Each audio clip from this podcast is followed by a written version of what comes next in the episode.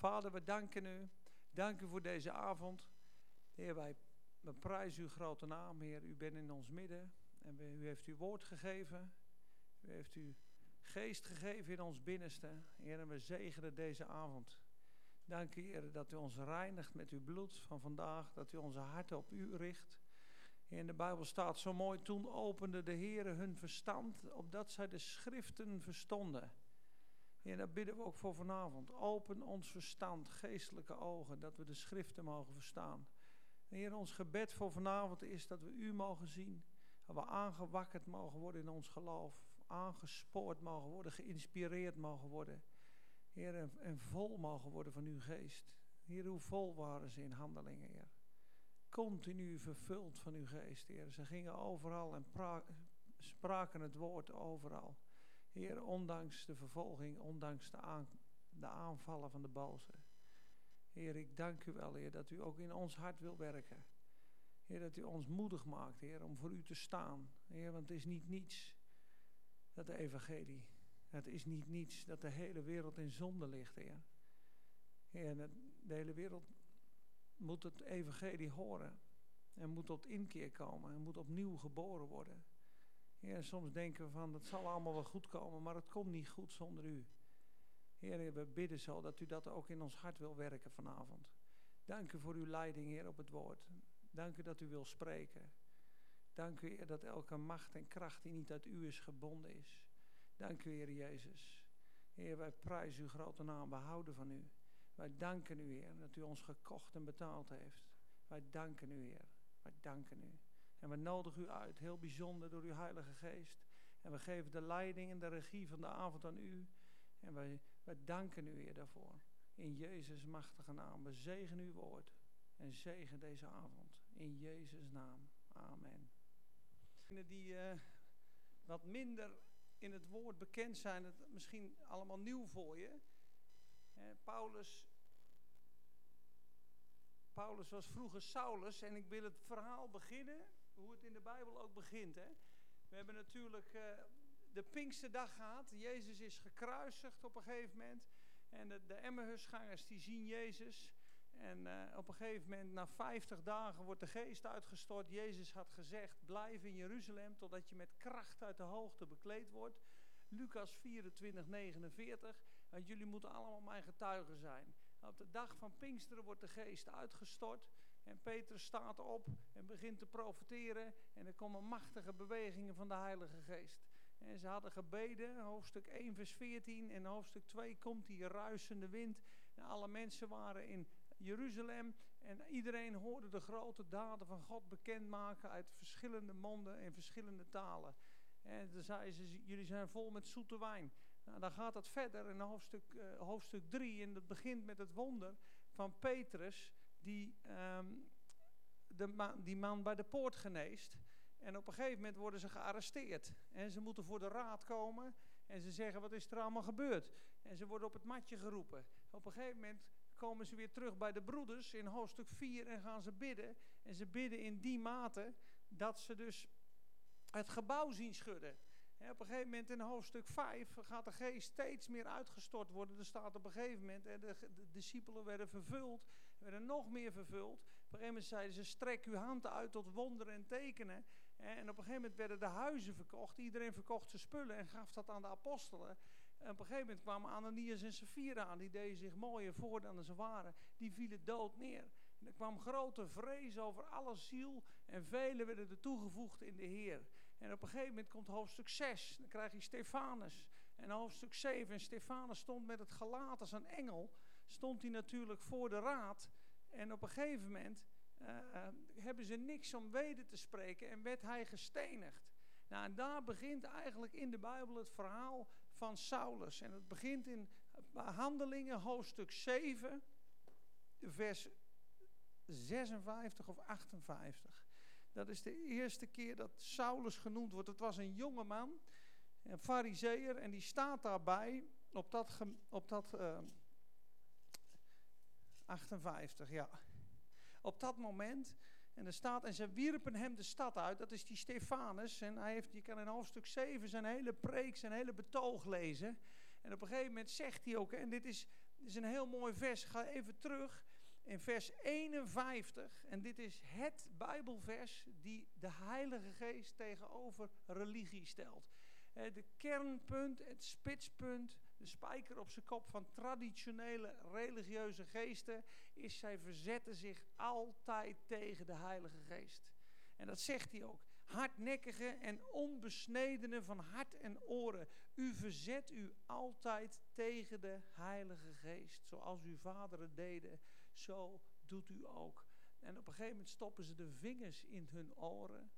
Ja, en stenigen ze hem. En hij bidt, Vader, reken hun deze zonde niet toe. Dat is de Heer Jezus die in hem bidt. En zo sterft hij. En dat staat er in vers 58. Hè. Ze wierpen hem de stad uit, stenigden hem en getuigen legden hun kleren af aan de voeten van een jonge man die Saulus heette. En zij stenigden Stefanus terwijl deze Jezus aanriep en zei: Heere Jezus, ontvang mijn geest. Terwijl hij op de knieën viel, riep hij met luide stem: Heere, reken hun deze zonde niet toe. En toen hij dat gezegd had, ontsliep hij.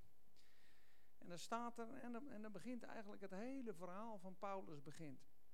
En we beginnen we in, even kijken, vers, uh, hoofdstuk 8, vers 1 tot 4. En dat is de volgende. Daar begint eigenlijk zijn verhaal. En dan gaan we vanavond gaan we gewoon kijken wat hij deed. Hè, hoe was hij?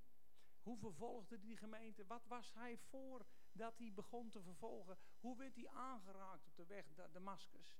Zijn vervolgingen, zijn karakter, zijn werk. Wat God allemaal met hem gedaan heeft. Je moet nagaan, het was een spijkerharde fariseer, maar hij was oprecht.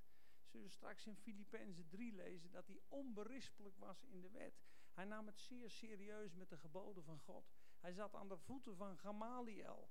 En dat was die wijze man die in hoofdstuk 5 zegt van... hé hey jongens, uh, misschien moeten we deze discipelen moeten die niet aanpakken. Want als deze raad uit God is, kan zij niet gebroken worden. Misschien zijn we dan wel tegen God aan het strijden. Laat ze maar gaan, want die had ook vorige keer 400 man meegenomen. Nou, die zijn allemaal verstrooid geworden. Toen was er ook een, die had een oproer, die had wat mensen meegenomen. Die zijn allemaal uh, verstrooid geworden. Als deze raad uit God is, kan zij niet gebroken worden. Dat was Gamaliel. Dat was de vader, de geestelijk vader van Paulus. En dan beginnen we in hoofdstuk 8. En Saulus stemde in met zijn dood. En er ontstond op die dag een grote vervolging tegen de gemeente die in Jeruzalem was. En ze werden alle verspreid over de landstreken van Judea en Samaria, behalve de apostelen. En Godvrezende mannen droegen Stefanus samen naar het graf en bedreven grote rouw over hem. En Saulus, zo heette hij voor zijn bekering, begon de gemeente te verwoesten. Hij ging de huizen binnen, sleepte mannen en vrouwen mee en leverde hen over in de gevangenis. Zij dan, die overal verspreid waren, trokken het land door en verkondigden het woord. Je ziet zelfs dat God deze vervolging ook weer ten goede gebruikt. Dus de druk op die gemeente neemt toe. Overal worden de gelovigen verspreid. Moet je nagaan, ik zat er vanmiddag nog aan te denken. Stel je voor, het zou kunnen gebeuren dat hier straks een aanval komt van ISIS. En dat heel Spakenburg en alle gelovigen op de vlucht geslagen worden. Dat kan. Dat we verspreid worden. Het zou fantastisch zijn als we dan vol van de Heilige Geest zijn en het woord van God preken waar we ook gaan. Niet dat we dan bij de pakken neer gaan zitten of dat we zeggen wat is er gebeurd. Maar ik, dat is mijn gebed. Ik hoop niet dat we het meemaken. Maar stel je voor dat we het meemaken. Dat we overal verstrooid worden. Dan is het gebed dat net als toen. Dat er overal het woord van God gepreekt wordt. En dat voordat we sterven. Dat we er nog honderden en honderden verteld hebben over de Heer Jezus. Dat gebeurde in die tijd. En op een gegeven moment, die, die Saulus, dat was zo'n fanatiekeling voor de nieuwelingen hier. Die nam dus brieven mee van de hoge priester. Om 300 kilometer, 300, 400 kilometer verderop gelovigen zelfs te vervolgen. Dus hij gaat op een gegeven moment naar Damascus toe. En dan beginnen we in hoofdstuk 9. Ik hoop niet te veel teksten te lezen, dus ik neem af en toe een stukje ertussendoor. Anders dan zijn we morgenochtend hier nog. Het is wel mooi, een keer een hele nacht.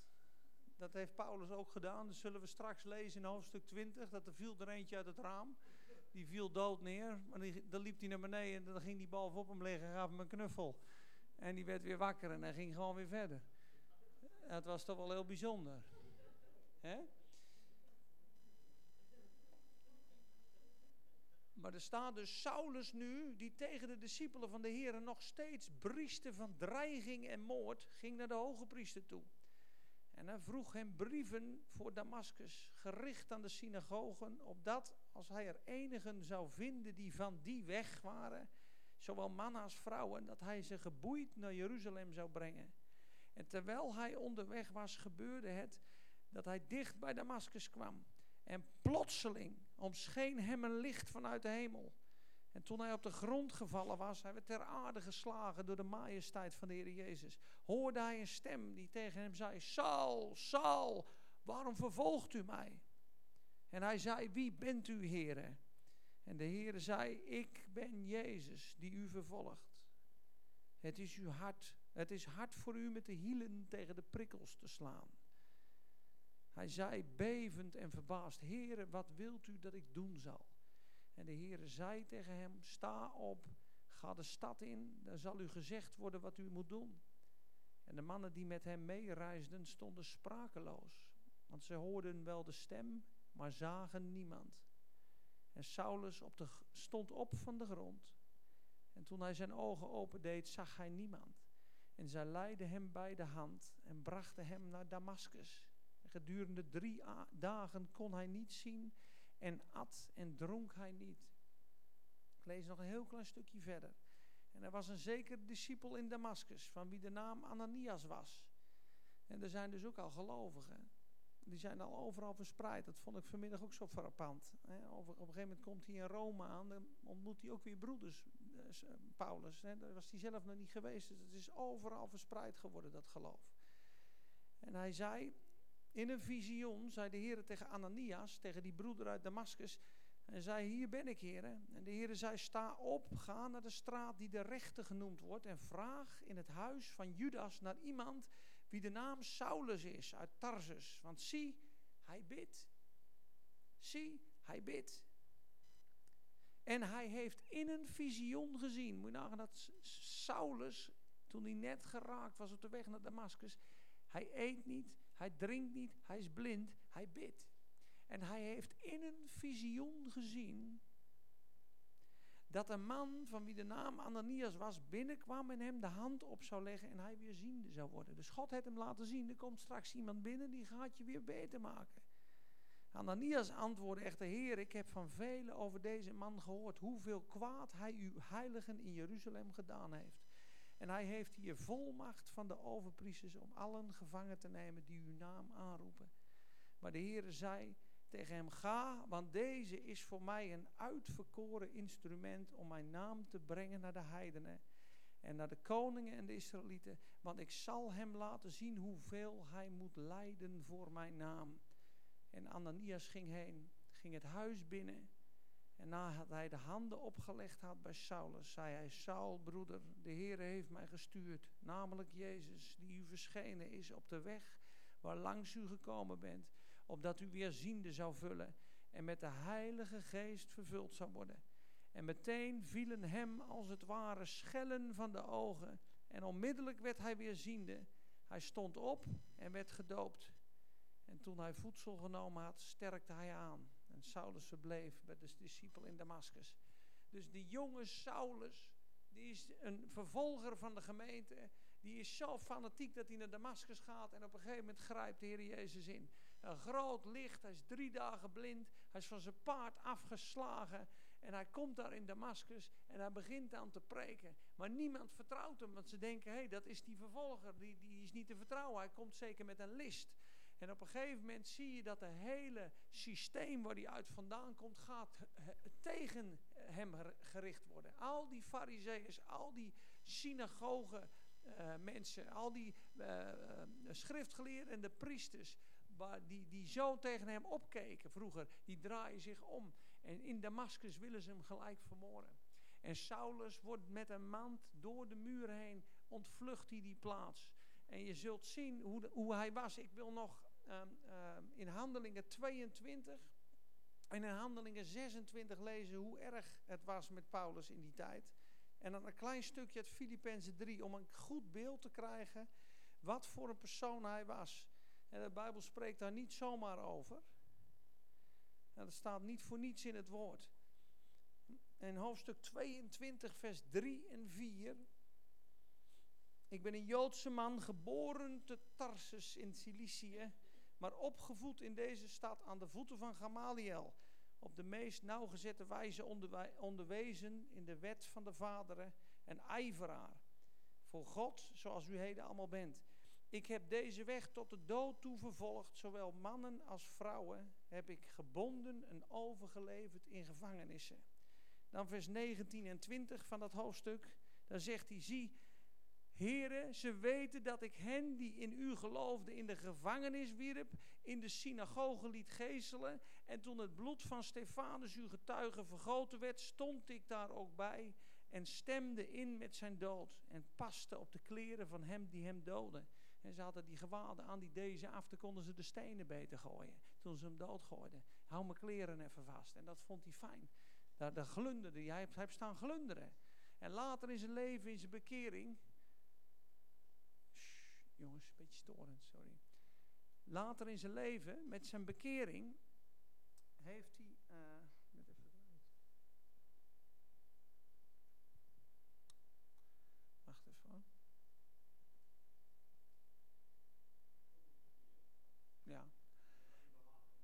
Ja, en later in zijn bekering heeft hij natuurlijk dat beeld gezien van Stefanus. Hè? Dat, dat, dat hij gebeden heeft voor zijn vijanden. Dat heeft hem ontzettend geraakt. Dat is hem natuurlijk altijd bijgebleven. En op een gegeven moment zien we in hoofdstuk 26, dan staat hij voor Agrippa de koning. Hij gaat door heel handelingen, zullen we straks in grote lijnen, eh, zal ik wat vertellen. Maar hij staat dan voor Agrippa en dan vertelt hij ook hoe die was. En dan zegt hij in vers 10 en 11, Handelingen 26, vers 10 en 11. Want ik, wat ik ook in Jeruzalem gedaan heb, ik heb vele van de heiligen in de gevangenissen opgesloten, nadat ik daartoe volmacht van de overpriesters gekregen had. Kijk, en als zij gedood werden, stemde ik daarmee in. En ik gaf mijn woord als zij omgebracht zouden worden, zegt een andere. In alle synagogen heb ik hen dikwijls gestraft en gedwongen te lasteren. Ik trad in razende woede tegen hen op en vervolgde hen zelfs tot in de buitenlandse steden. Dus we zien hoe fanatiekeling het was. Hij gaf zijn woord als ze omgebracht moesten worden. Dus hij is werkelijk mensen vermoord. Hij heeft vrouwen en kinderen en mannen uit huizen gesleurd, uit synagogen gesleurd. En die fanatieke vervolger van de gemeente is aangeraakt op de weg naar Damascus. En is in één keer is hij omgedraaid. En nu preekt hij dat geloof. En dan begint eigenlijk zijn leven. En dan gaan we uh, op een gegeven moment even kijken. Uh, de volgende is Galaten. Nou, hij zegt, in, ik ga het eventjes in grote lijnen vertellen, anders wordt het, uh, wordt het veel tekst. Maar in Galaten zegt hij dus, ik ben niet met vlees en bloed te raden gegaan. Hij is toen naar Arabië gegaan. 14 jaar lang. Hij is teruggegaan naar Jeruzalem. En op een gegeven moment ehm, gaat, gaat hij in Handelingen 13, komt hij bij de broeders in Antiochië. Ze zijn aan het bidden en ze zijn aan het vasten. En op een gegeven moment zegt de Heilige Geest, zondert mij af, Paulus en Barnabas, voor het werk waar ik hun voor bereid heb. En dan begint zijn reis en zijn prediking. En ik heb kaarten neergezet, die zal ik laten zien hoeveel zijn reizen geweest zijn. Het is absoluut onbeschrijfelijk. Je moet nagaan, elke centimeter op de kaart hier, elk stukje van mijn vinger is 100 kilometer. En hij heeft geen vliegtuig, hij is met boot, hij heeft geen internet, hij heeft geen telefoon. Hij heeft 5000 vierkante kilometer geëvangeliseerd in vier reizen. En is absoluut van kracht tot kracht gegaan in al die plaatsen. Dus Paulus werd de apostel. Ik heb, oh ja, ik heb erbij gezet 1 Korinthe 15. Ik heb meer gearbeid dan zij allen. Maar wat zegt 1 Korinthe 15? Doch niet ik, maar de genade die met mij was. Dus dat was al heel mooi. Kijken, dan gaan we terug. Ja. Nou, die reis heeft hij gemaakt. Nou, dit moet je thuis lezen. Handelingen 13 tot 28 kan je het hele verhaal van Paulus lezen. Ik zou je zeggen, pak er een pen bij Maak aantekeningen. Kijk naar zijn prediking. Kijk naar zijn houding. Kijk naar wat hij zegt. Kijk naar wat hij meemaakt. En kijk wat er gebeurt. Overal waar hij komt is er opschudding. Overal waar hij komt Brengt hij de tegenwoordigheid van God? Brengt hij de kracht van de Heilige Geest? Breekt het helemaal open. Er is vervolging. Hij wordt gestenigd op een gegeven moment. De volgende dag is hij weer aan het preken. In, in Lystra en Derbe. Het is echt bijzonder wat er met die man gebeurd is. Even kijken, dan gaan we er nog één verder. Twee. Ja, en dan nog één. Dan gaan we kijken naar de wonderlijke gebeurtenissen in zijn leven. En dan begin ik in Handelingen 13, want die negen die hebben we al gehad. Dus dit is voornamelijk, zijn levensverhaal zit dus in Handelingen 13. Of uh, in Handelingen.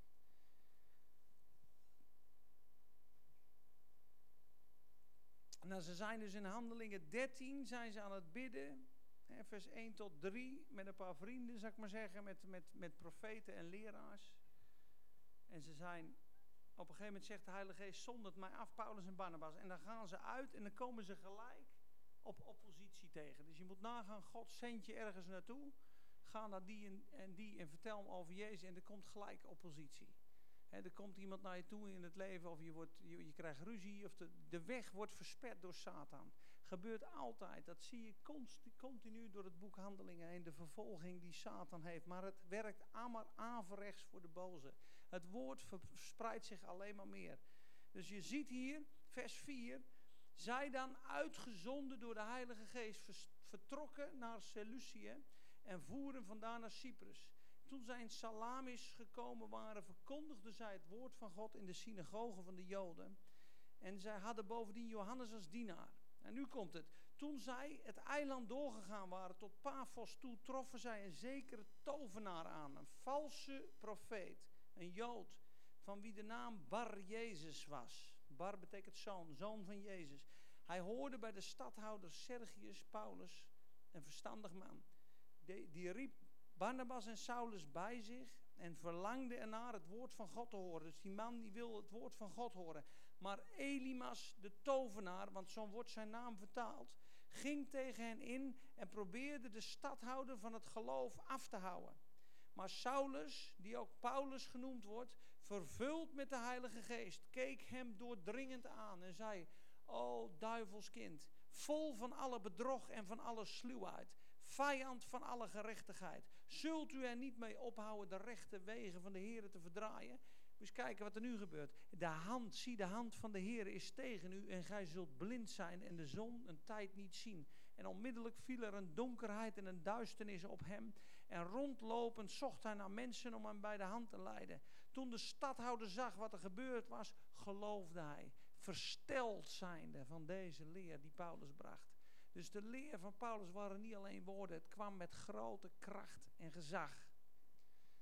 Voor de mensen die het niet weten, sprongetje naar Handelingen 19, de wonderlijke werking van de Paulus gordeldoeken. Wie weet daar wat van? Wie heeft daar wel eens van gehoord, van de gordeldoeken, de, gordel, de gordeldoeken en de zakdoeken van Paulus?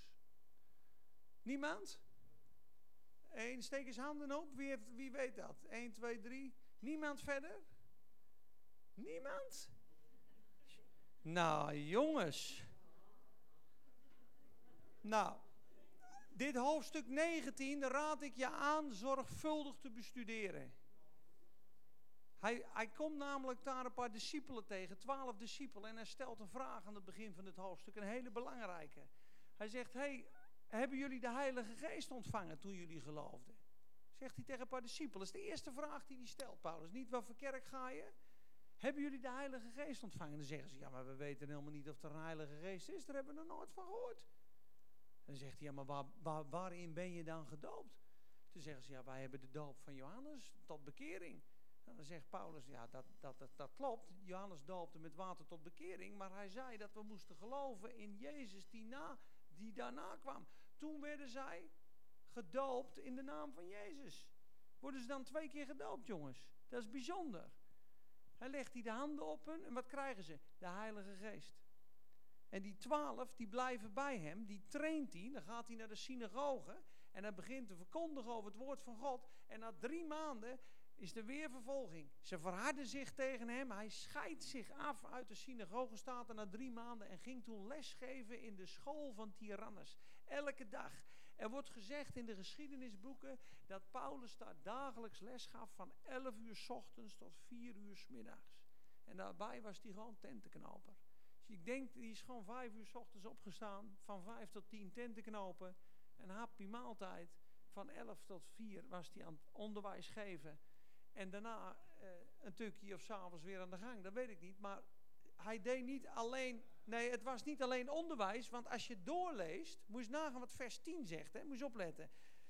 19 vers 9 zegt, maar sommigen, toen sommigen verhard werden en ongehoorzaam bleven en tegenover de menigte kwaad spraken van de weg van de Heer, ging hij bij hen weg en hij zonderde de discipelen af en sprak dagelijks in de school van een zekere Tyrannus. Dit gebeurde twee jaar lang, zodat allen die in Azië woonden het woord van de Heer hoorden. Dat is apart, hè? Hij is op één plaats onderwijs aan het geven, twee jaar lang, en heel Azië heeft het woord gehoord. En dan staat er, hoe, hoe is dat woord verspreid? Kijk maar eens in vers 11 en 12. En God deed buitengewone krachten door de handen van Paulus. Zo zelfs dat als de zweetdoeken of de doeken die hij om zijn middel droeg van zijn lichaam op de zieken gelegd werden, de ziekten van hen weken en de boze geesten uit hen weggingen. Dus je moet nagaan, de kracht van God op Paulus was zo sterk dat als hij een zakdoek meegaf, ja, hier is een zakdoek van Paulus, dat de kracht Gods erin, dan liepen ze naar de zieken toe en hoefden ze de zakdoeken maar op de zieken te leggen. En de demonen kwamen eruit en de zieken werden genezen. En dat gebeurde door dat hele gebied heen. Dus je moet nagaan, die mensen die dat woord horen, die zijn overal gaan preken. Die twaalf die die tegenkomt aan het begin, dat worden apostelen. Verderop in de Bijbel is dat Epaphras, die constant strijdt in de gebeden. Sosipater, uh, er zijn er nog een paar. Uh, Trofimus, dat die heeft hij helemaal getraind van begin in twee jaar. Dat zijn allemaal apostelen geworden. Wist je dat Paulus heeft maar veertien kerken gesticht? 14. In elke plek heeft hij er één neergezet. Maar die mensen heeft hij geleerd om te leven door de kracht van de Heilige Geest. Om samen te komen in liefde en om uit te gaan en de werken van de Heer Jezus te doen. Dus hij heeft eigenlijk zichzelf constant gedupliceerd. En zo is dat hele gebied, dat hele Azië. We hebben net gezien hoeveel uitgestrekt dat was. Dat is in twee jaar helemaal geëvangeliseerd. En als je dan ziet in hoofdstuk 16 met, uh, met die waarzeggende geest, en die gebouwen hè, die eh, gingen schudden. Die, die kerken die open gaat. Op een gegeven moment in hoofdstuk 17 en hoofdstuk 18 komen ze weer voor de raad. En zeggen ze, deze mensen zetten de hele wereld op zijn kop, zeggen ze. Weg met zo'n ene. Dan komt hij voor de raad in, in Jeruzalem. Dan is de menigte die is zo verhit tegen hem. Dat soldaten hem zelfs boven de menigte op handen moeten dragen. Anders eh, verscheuren ze hem. Zoveel vervolging heeft hij gehad. En hij blijft spreken en God blijft hem bemoedigen. Hij krijgt een visioen van Jezus. Op een gegeven moment verschijnt de Heer nog een keer aan hem en zegt hij, vrees niet, u moet voor de keizer verschijnen. En hij heeft die boottocht meegemaakt. Nou, ik heb hier een bijgezette aardbeving, uitwerping van de Python, de gordeldoeken. Nou, in Handelingen 20 is een gigantisch mooi hoofdstuk. Daar zie je het hart van Paulus. Dat noemen ze ook wel het tranenhoofdstuk. Ik heb u drie jaar lang, zegt hij, dag en nacht met tranen vermaand.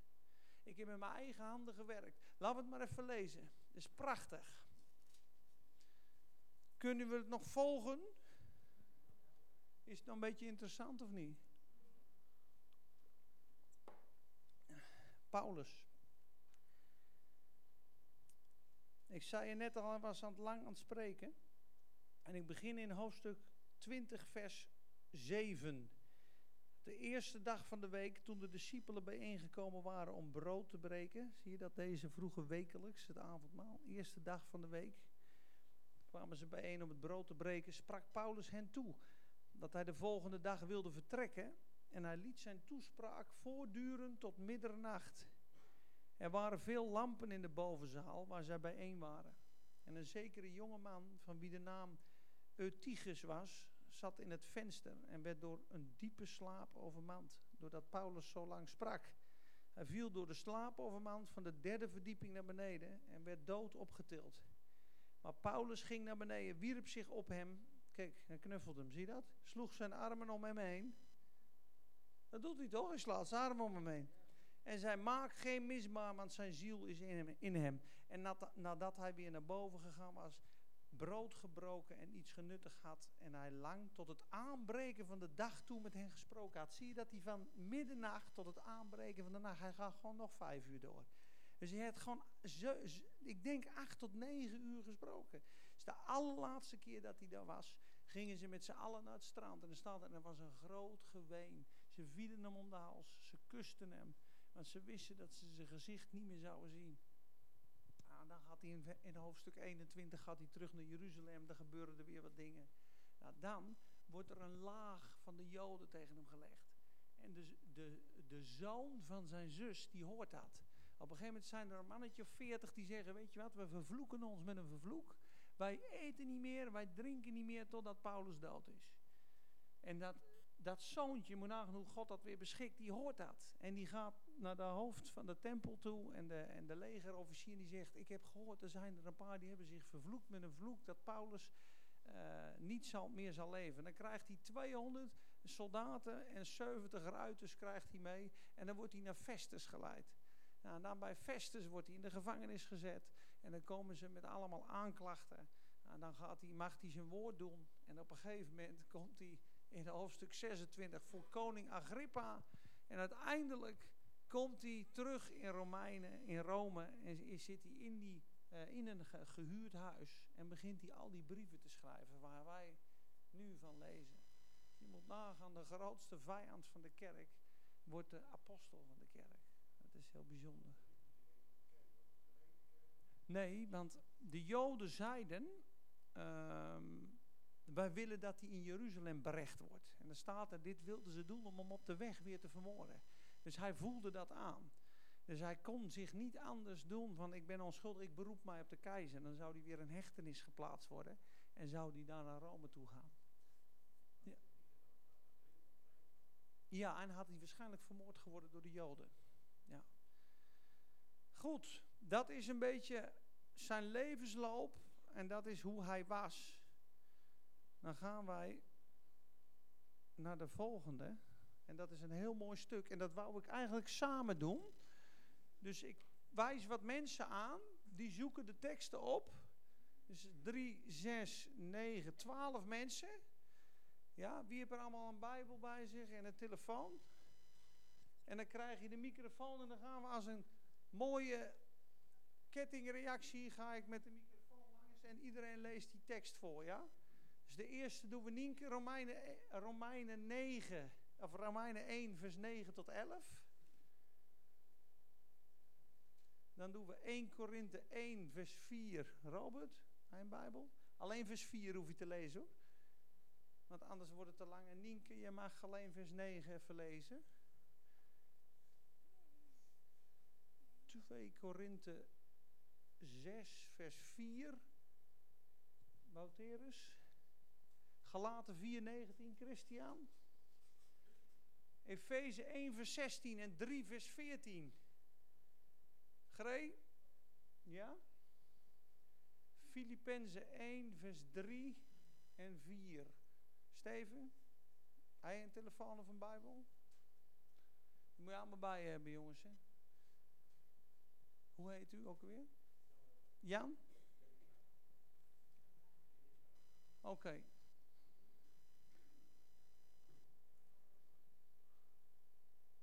Colossense 1 vers 3 doen? Colossense 1 vers 3. Colossense 1 vers 9. Richard? Ja, zoek hem even op hou hem klaar. En dan doe ik er nog één, want anders is het ook weer te veel. Maar dan moet je eens kijken hoe vaak het gebedsleven van Paulus, wat hij deed. 2 Thessalonicense 1 vers 3. Ramon, de laatste? Oké, wie weet de... Als je eh, de tweede tekst hebt, dan moet je even zeggen, want ik kan ze niet allemaal meer onthouden. Anienke begint, ja? Want God die ik met mijn geest dien in het evangelie van zijn Zoon, is mijn getuige. hoe ik onophoudelijk te alle tijden bij mijn gebeden uwer gedenk.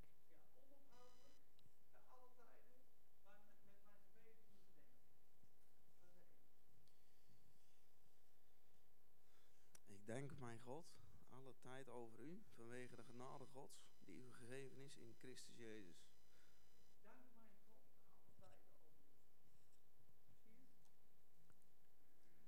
Wij willen juist laten zien dat we dienaren van God zijn, door altijd te volharden in tegenspoed, nood en ellende, onder lijfstaffen, in gevangenschap en onder volkswoede, slaapgebrek en honger, door oprechtheid en kennis, door geduld en vriendelijkheid, door de gave van de geest, van de Heilige Geest en ongeveinsde liefde. Galaten 4, Mijn kinderen, u doet, u doet mij echt weer verdriet. Ik voel dezelfde pijn als een vrouw die bevalt. Zo sterk is mijn verlangen dat Christus in u zichtbaar wordt.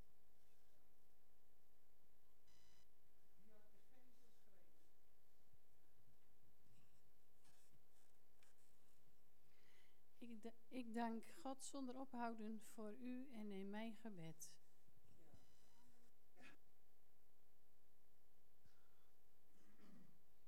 Drie, vers 14. Ja, die doen we ook. Wanneer ik eraan denk hoe wijs en groot Gods plan is, val ik op mijn knieën voor hem neer. Ja. Wie had de volgende?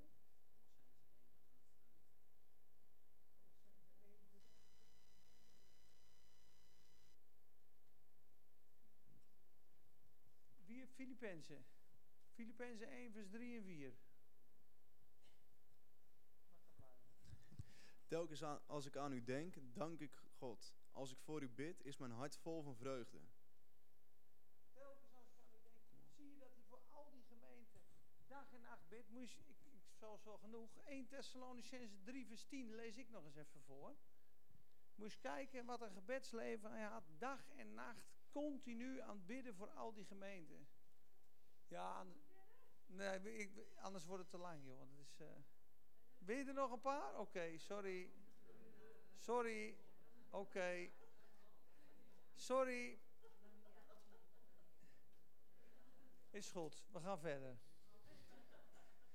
1 Thessalonicense 3 vers 19. Want welke dank kunnen wij God voor u teruggeven vanwege al de beleidschap waarmee wij ons over u verblijden voor het aangezicht van onze God. Wij bidden nacht en dag meer dan overvloedig. Wij bidden nacht en dag meer dan overvloedig om uw gezicht te mogen zien en om te vermaken wat aan uw geloof ontbreekt. En nu is hij al weg. Opzij. Johan, jij er nog één? Die had er nog één. Jij nog één? Nee, is voor. 1 Thessalonians 2, hè? 2 Thessalonicense 1 vers 3. 2. Herman, maar die hebben nog niet weg. 1 vers 3. Ja.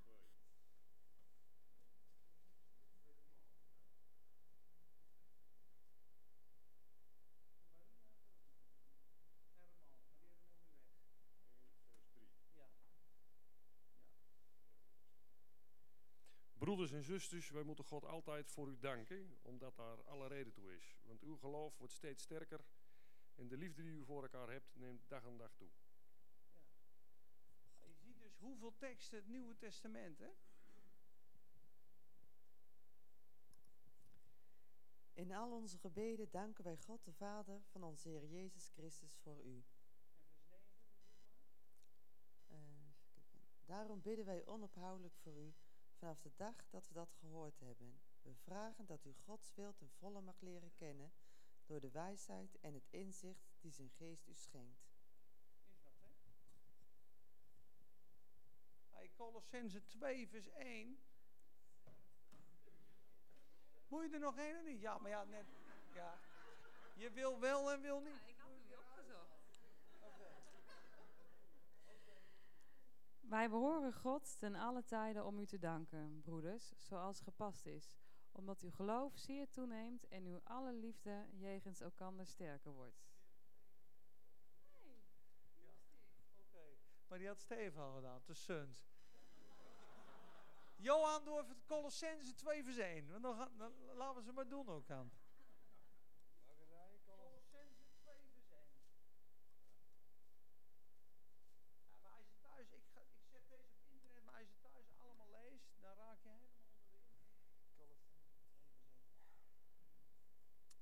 Want ik wil dat u weet hoe groot de strijd is die ik voer voor u en voor hen die in Laodicea zijn, als ook voor de velen die mij nooit in levende lijf hebben gezien. Zware gebedstrijd. Eh, Christian leest voor Galaten 4:19. Ik ben in barensweeën.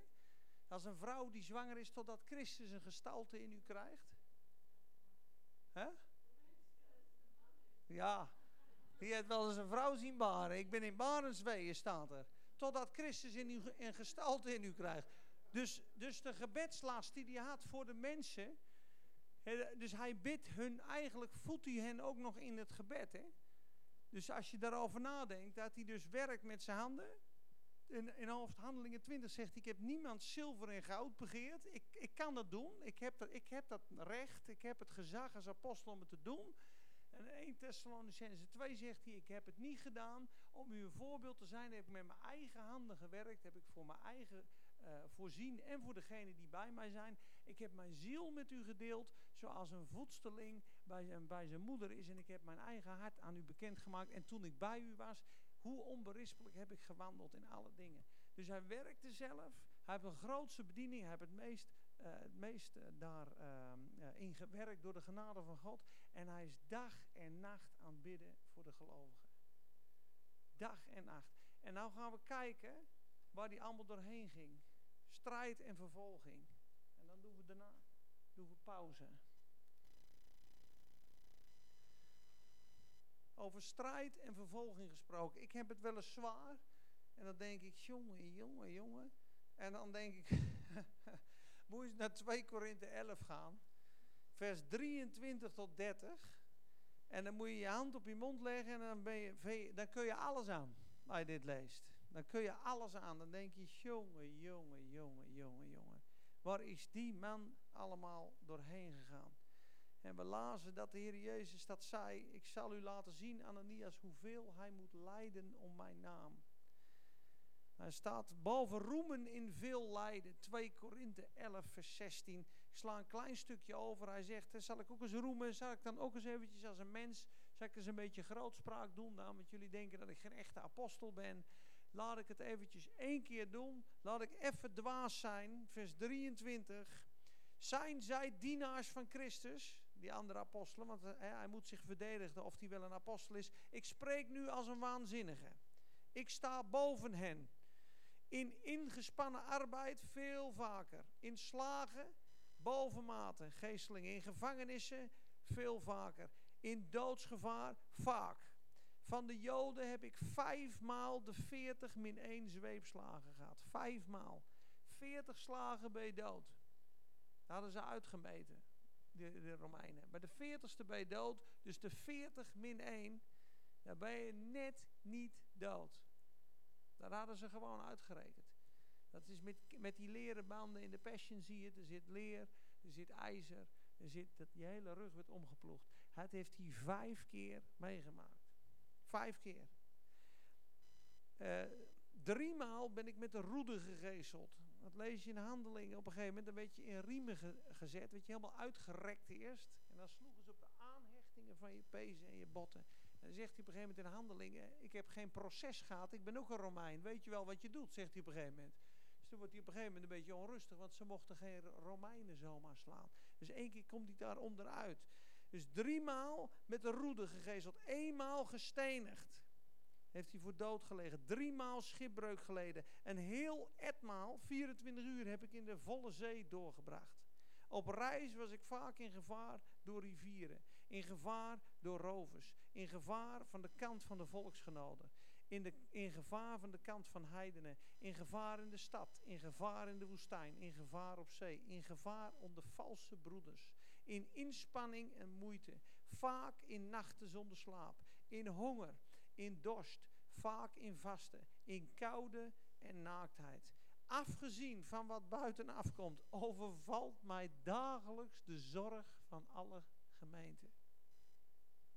Als iemand zwak is, zou ik dan niet zwak zijn? Struikelt iemand, zou ik niet branden van woede, zegt hij, en frustratie? Als er geroemd moet worden, dan zal ik roemen in mijn zwakheden. Dus al deze dingen die hij hier meemaakt, Dat maakte hem zwak. En dan heeft hij, heeft in leren roemen. En dan zie je in hoofdstuk 12 met die doorn die hij in zijn vlees krijgt. En die doorn, als je dat goed leest, van hoofdstuk 12, vers 7 tot 12, dan zie je dat die doorn, die zwakheden en die noden, die vervolgingen, die slagen zijn. Een engel des Satans die mij slaat met vuisten. En dan zegt hij, daarom heb ik nu een welbehagen in noden, in smaadheden, in vervolgingen, in zware moeilijkheden. Want als ik zwak ben, ben ik sterk.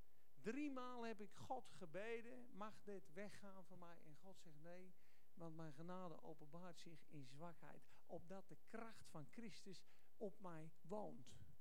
Niet, niet komt, maar woont. Dat de kracht van God bleef op Paulus wonen, doordat hij zo zwak was. En hij heeft al die vervolgingen en al die moeilijkheden, heeft hij allemaal omgedraaid. Hij heeft ze allemaal gaan zien als zegeningen die vermomd zijn. Vermomde zegeningen. Als ik zwak ben, ben ik sterk. Hij zegt hier, ik zal roemen. Als ik roem, dan roem ik in mijn zwakheden. Dat is een openbaring. Wij beginnen te mekkeren vaak, hè, als we moeilijkheden hebben of teleurstellingen of tegenslagen. Paulus zag, dit is de weg van de heerlijkheid. Zo kom ik tot de kracht van God. Bijzonder, hè?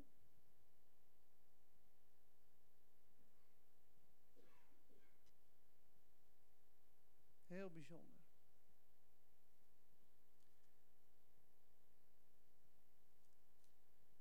Twee Timotheus. 2 Timotheus.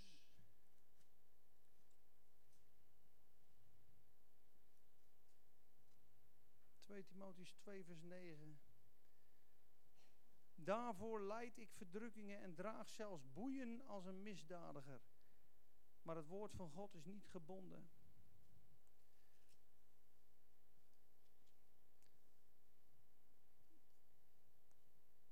En dan zegt hij ook tegen Timotheus, zegt hij dat, hè, hoofdstuk 1, vers 8. Schaam u dan niet voor het getuigenis van onze Heer en ook niet voor mij, zijn gevangenen, maar leid met mij verdrukkingen om het evangelie, overeenkomstig de kracht van God. En in de eerste brief van Timotheus, hoofdstuk 2, zegt hij het weer. Even kijken hoor, moet ik goed kijken waar het staat.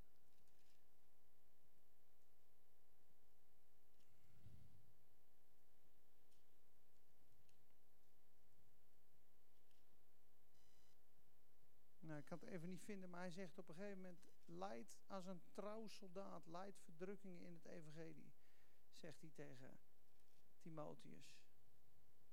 Maar je ziet wel wat er met hem gebeurd was. Die keiharde fariseer was een apostel van genade geworden. Hij zit in de gevangenissen. Hij is zo ontzettend veranderd. Hij heeft alle openbaringen gekregen van de Heer Jezus in die 14 jaar. En de, de kans dat hij zich zou verheffen was heel groot. Dat hij naast zijn schoenen zou gaan lopen. Daarom heeft hij een doorn, heeft hij die doorn van God gekregen. Er staat, mij is gegeven een doorn. Namelijk een engel des Satans die mij slaat met vuisten vanwege de tal van openbaringen die ik heb. Dat ik mij niet al te zeer verheffen zou. Dus Paulus had makkelijk naast zijn schoenen kunnen gaan lopen. Van waar heet over? Ik heb alles gezien. Ik ben in de derde hemel geweest. Ik ben onder de aarde geweest. Hij kende het hele, hele, de hele leer van het nieuwe verbond. En God moest hem klein houden. God moest hem nederig houden. Bijzonder hè. Nou, wat was er gebeurd met die keiharde fariseeën? Die is zo veranderd. En het beeld, en waar ook deze avond om begonnen is, is het volgende. Dat wat, wat God met Paulus heeft kunnen doen, dat hij dat met ons kan doen. Daar gaat het om. Want in 1 Timotheus 1, vers 16 zegt hij, en ik begin in vers 13, dat is een klein stukje voor de pauze en dan stoppen we. En dan vertelt hij ook hoe dat ging vroeger. En ik begin in vers 13. Mij, die vroeger een godslasteraar was, een vervolger en een verdrukker. Maar mij is barmhartigheid bewezen, omdat ik het in onwetendheid gedaan heb, in ongeloof. De genade van onze Heer is echter zeer overvloedig geweest, met geloof en liefde die er is in Christus Jezus. Dit is een betrouwbaar woord en alle aanneming waard dat Christus Jezus in de wereld gekomen is om zondaren zalig te maken, van wie ik de voornaamste ben. Kijk, en nu komt het. Maar daarom is mij barmhartigheid bewezen, opdat Jezus Christus in mij, de voornaamste van de zondaars, dus ik ben de allergrootste van de zondaars, al zijn geduld zou tonen tot een voorbeeld voor hen die later in hem zouden geloven tot het eeuwige leven. Dus God heeft Paulus gebruikt als role model. De grootste vervolger, de grootste zondaar, de meest wettische persoon. Wat kan God daarmee doen? Al zijn geduld is in hem bewezen. Hij heeft hem van een spijkerharde fariseer in de meest genadige apostel gemaakt. Hij heeft hem van een keiharde moordenaar in iemand die dag en nacht bidt.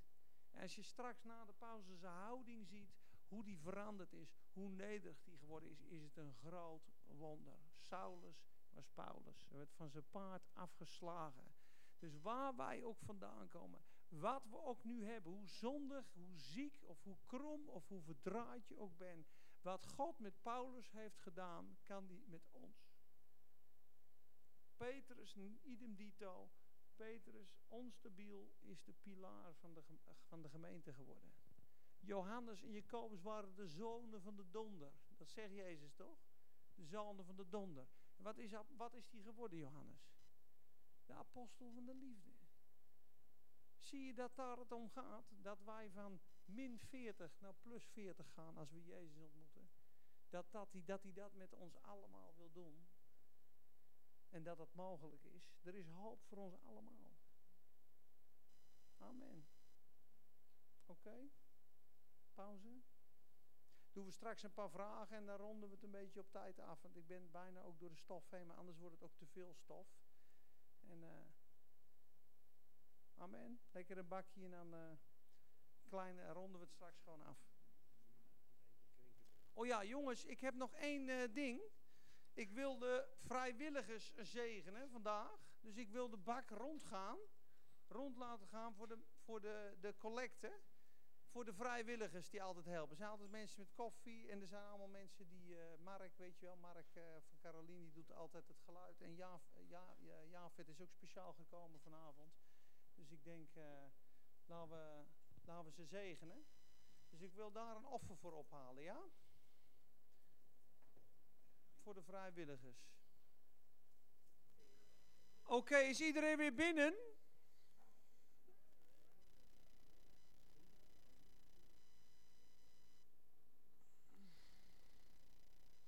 Ja, of je die even iets kleiner kan zetten, ja, vet.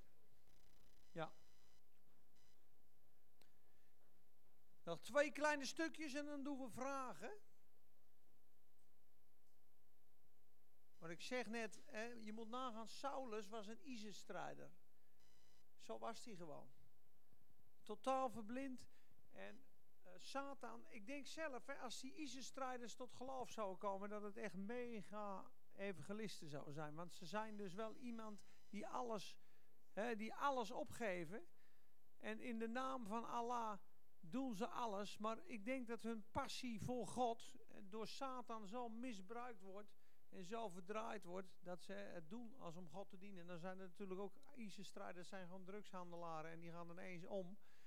Maar laten we zeggen, uh, ik heb een uh, getuigenis gezien van een ex-Hezbollah-strijder die elke tien dagen de Koran las en die vastte en, en bidden in de gevangenis. En op een gegeven moment kwam Jezus in de cel met een groot licht. En die moest zo snikken en zo huilen. Want dat was hem altijd geleerd als jochie. Dit is de weg. En armen eraf gehakt en allerlei rituelen had hij gedaan bij mensen. Maar zo snikken en zo die majesteit van God ontmoet. Maar en ik, ik zeg net in de, pau, in de pauze ook, als Paulus natuurlijk nooit op reis geweest was en alleen maar preken geluisterd had, had hij natuurlijk nooit zo veranderd. En wij kunnen dit onderwijs horen, maar je verandert het meest door, door het te doen. En op het moment dat je een moeilijke collega tegenkomt of je, of je komt in een situatie, daar leer je het meest, daar verander je het meest. Maar hij is letterlijk en, en figuurlijk natuurlijk meerdere malen geknakt. Maar als je die reizen, ik weet niet of het over een periode is van, nou, laten we zeggen, ik denk wel 25, 30 jaar, die vier reizen. En waar die allemaal doorheen gegaan is, werkelijk waar onbeschrijfelijk. Maar hier zie je ook zo mooi zijn hart. Dat vind ik een hele mooie tekst. Ik, en de Heere gediend heb met alle nederigheid en veel tranen. En onder verzoekingen die mij overkomen zijn door de aanslagen van de Joden. En dan zegt hij dat in hoofdstuk 20. En waar ik mee wil afsluiten, dat is dit. Dat hij steeds kleiner wordt in zijn leven. Dus die Paulus begint in 1 Korinthe 15, dat is geschreven in 55, 9, nou 49 of 50, in ieder geval eerder als Efeze en eerder als Timotheus. En in 1 Korinthe 15 zegt Paulus, ik ben de minste van alle apostelen.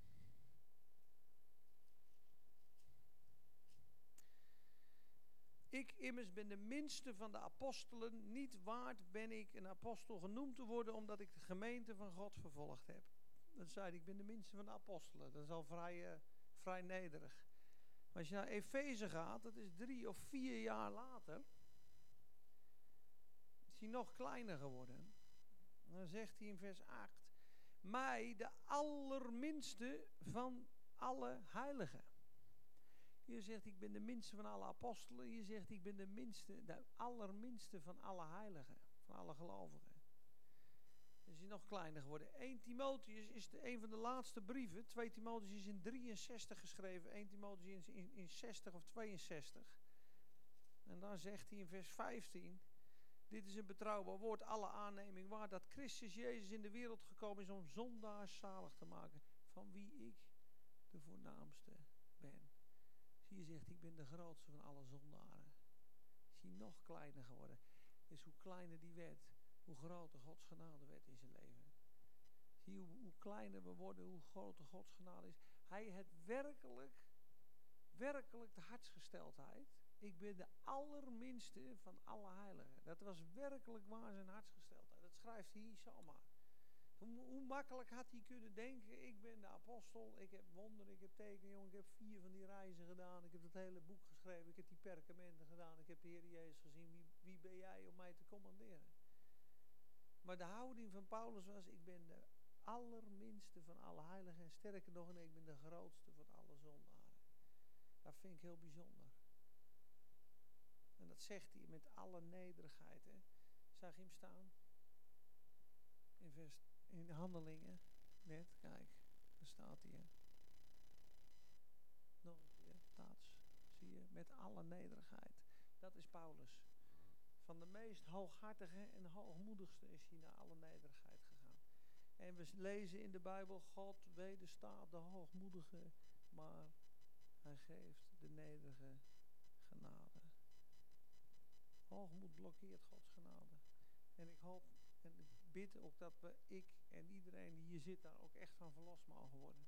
En soms moet er, als we hoogmoedig zijn, moeten er zoeken heftige dingen in ons leven gebeuren. Dat we werkelijk vernederd en geknakt worden.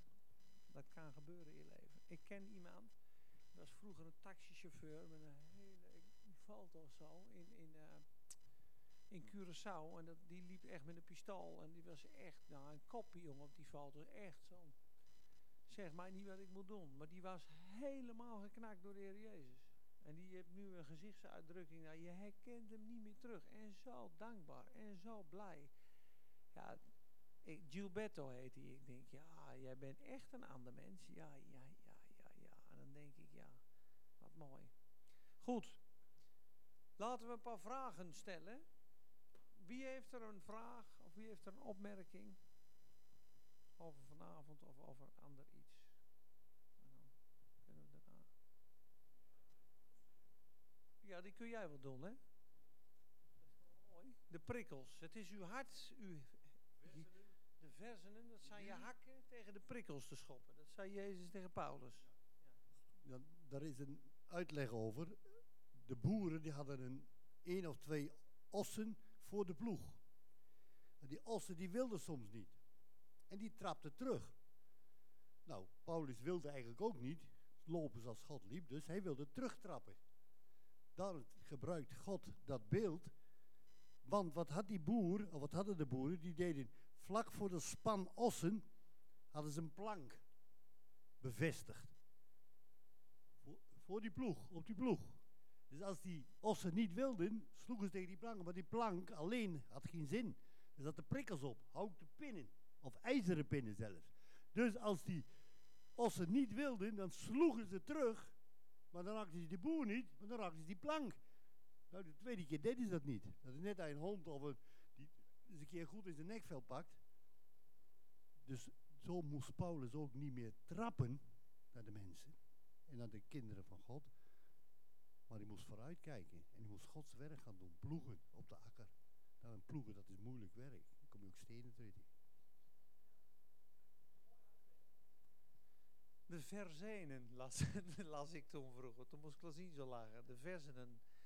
Het is uw hart te verzenen tegen de prikkels. Maar Jezus zegt ook, waarom vervolgt u mij? Hè? Dus hij vervolgt de gemeente. Maar Jezus zegt, Saul, Saul, waarom vervolgt u mij?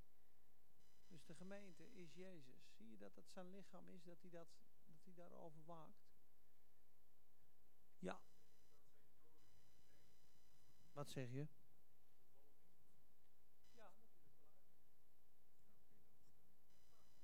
Ja, de vraag was, is dat zijn doorn in het vlees, wat, waar, waar hij mee loopt? Wat als de doorn? Nou, de, de vervolging die hij gedaan heeft naar Christus toe. Naar christenen toe. Die vervolging die is dus natuurlijk in zijn hele leven verder een doorn in het vlees en in zijn verkondiging. Ja, hij, hij, hij, zegt, hij, hij zei zelf, ja. Ja, hij had zelf een doorn. Ja, dat bedoel ik. Dat zijn doorn natuurlijk. Nee, zijn verleden is niet zijn doorn. Zijn doorn is een engel des Satans die hem slaat met vuisten. Dat.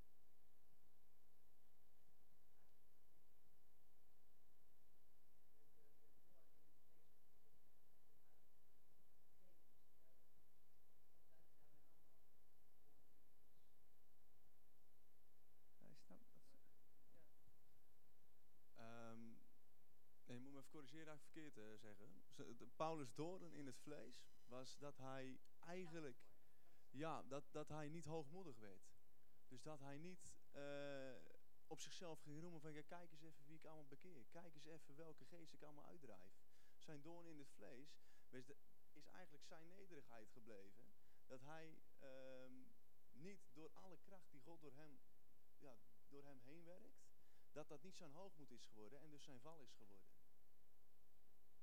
Dat is zijn doorn is geweest, dat hij gestraft werd. Dat hij achtervolgd werd.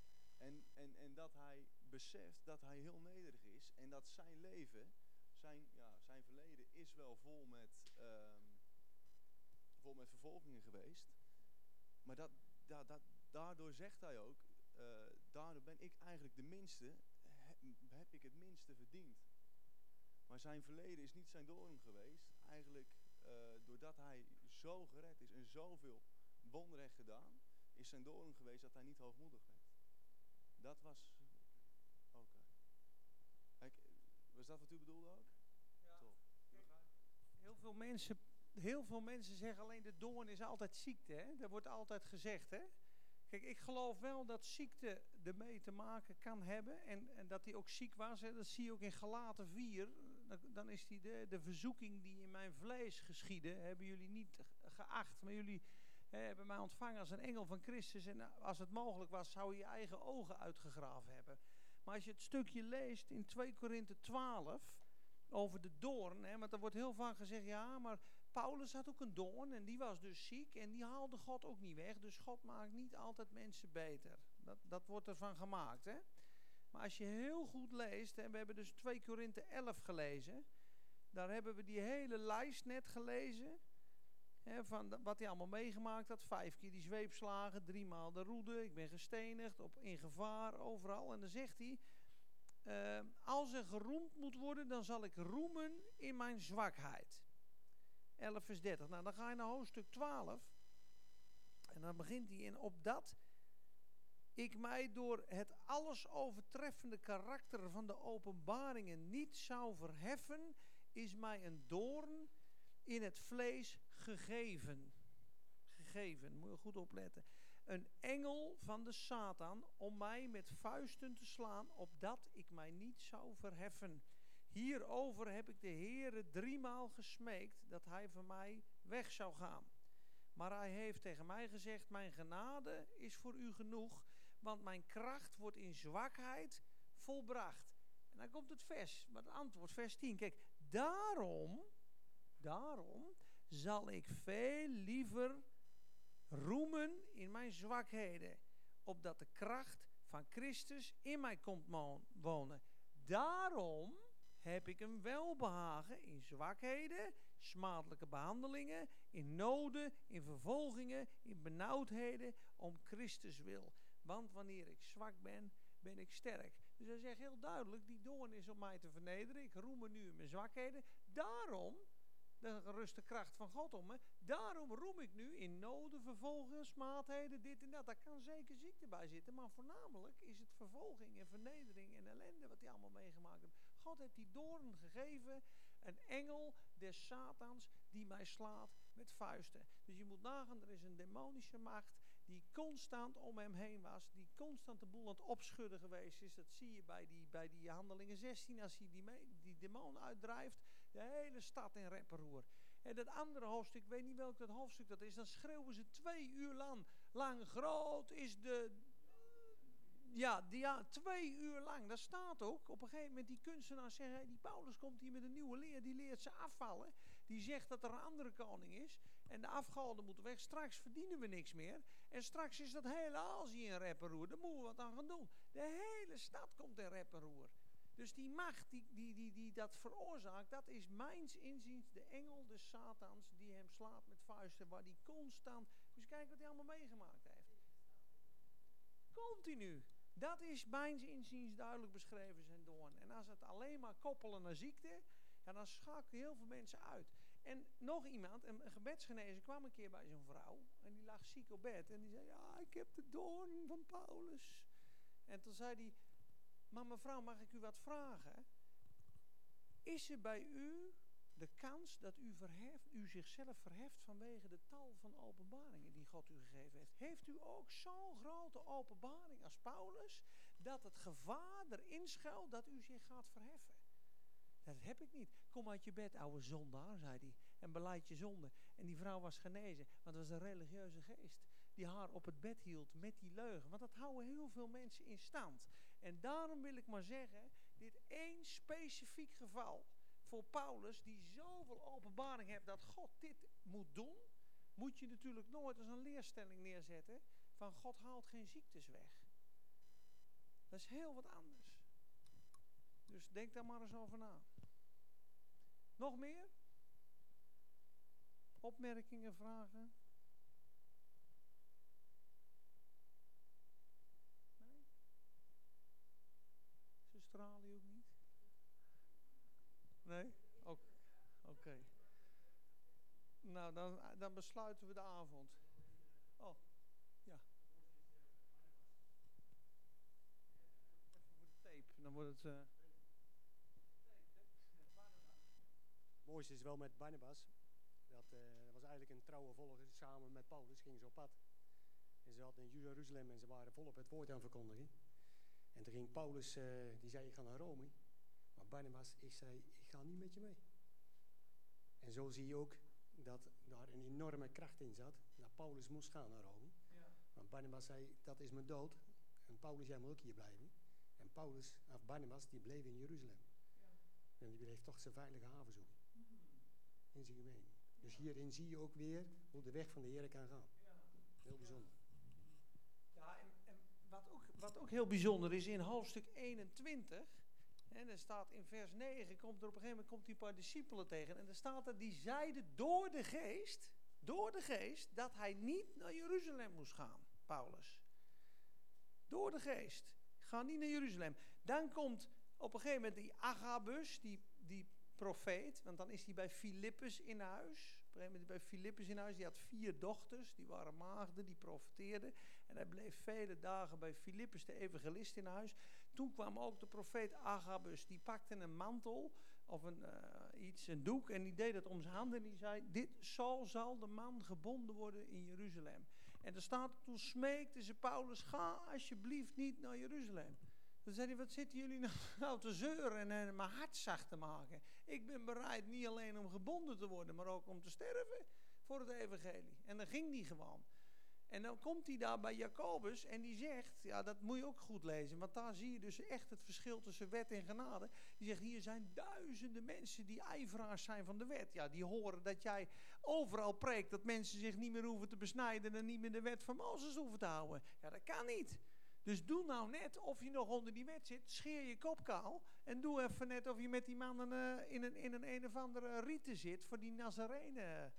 En dan moet hij dat doen, dan betaalt hij dat geld, maar dan komt grote opschudding. Maar eigenlijk is dat heel vreemd dat hij dat doet. Heel vreemd. En je ziet dat ook in Galaten, dat sommige van Jacobus komen eraan en dan Petrus gaat aan die tafel zitten.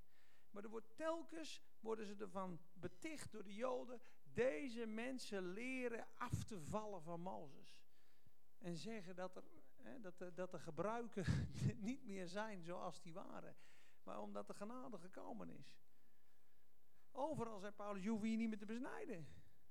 Nou, dat konden ze niet handelen. Maar ik vond het ver erg vreemd dat hij zijn hoofd kaal ging scheren en dan zomaar net alsof. En dan werd natuurlijk in Jeruzalem was de grote opschudding. En daarna ja, dan mag hij dat volk toespreken. En dan zegt hij ook, je, u weet hoe ik was, want ik heb van u de brieven gekregen. En nog zeggen ze niet van, uh, ja, ze geloven hem gewoon niet. En dan zegt Jezus, ga hier vandaan, want ze zullen uw woord niet aannemen. En dan gaat hij, uh, nou ja, dan gaat hij naar de heidenen. Maar uh, hij had zijn leven niet meer lief. heeft zijn leven verloren. En dat vind ik zo bijzonder. Dat hij, uh, ja, dat, dat, ben we dat ben ik in ieder geval nog lang niet. En ik hoop er wel te komen in mijn leven. Dat je zo gepland bent in God. Dat je je eigen leven niet meer als waardevol ziet. Alleen maar de glorie van de Heer Jezus.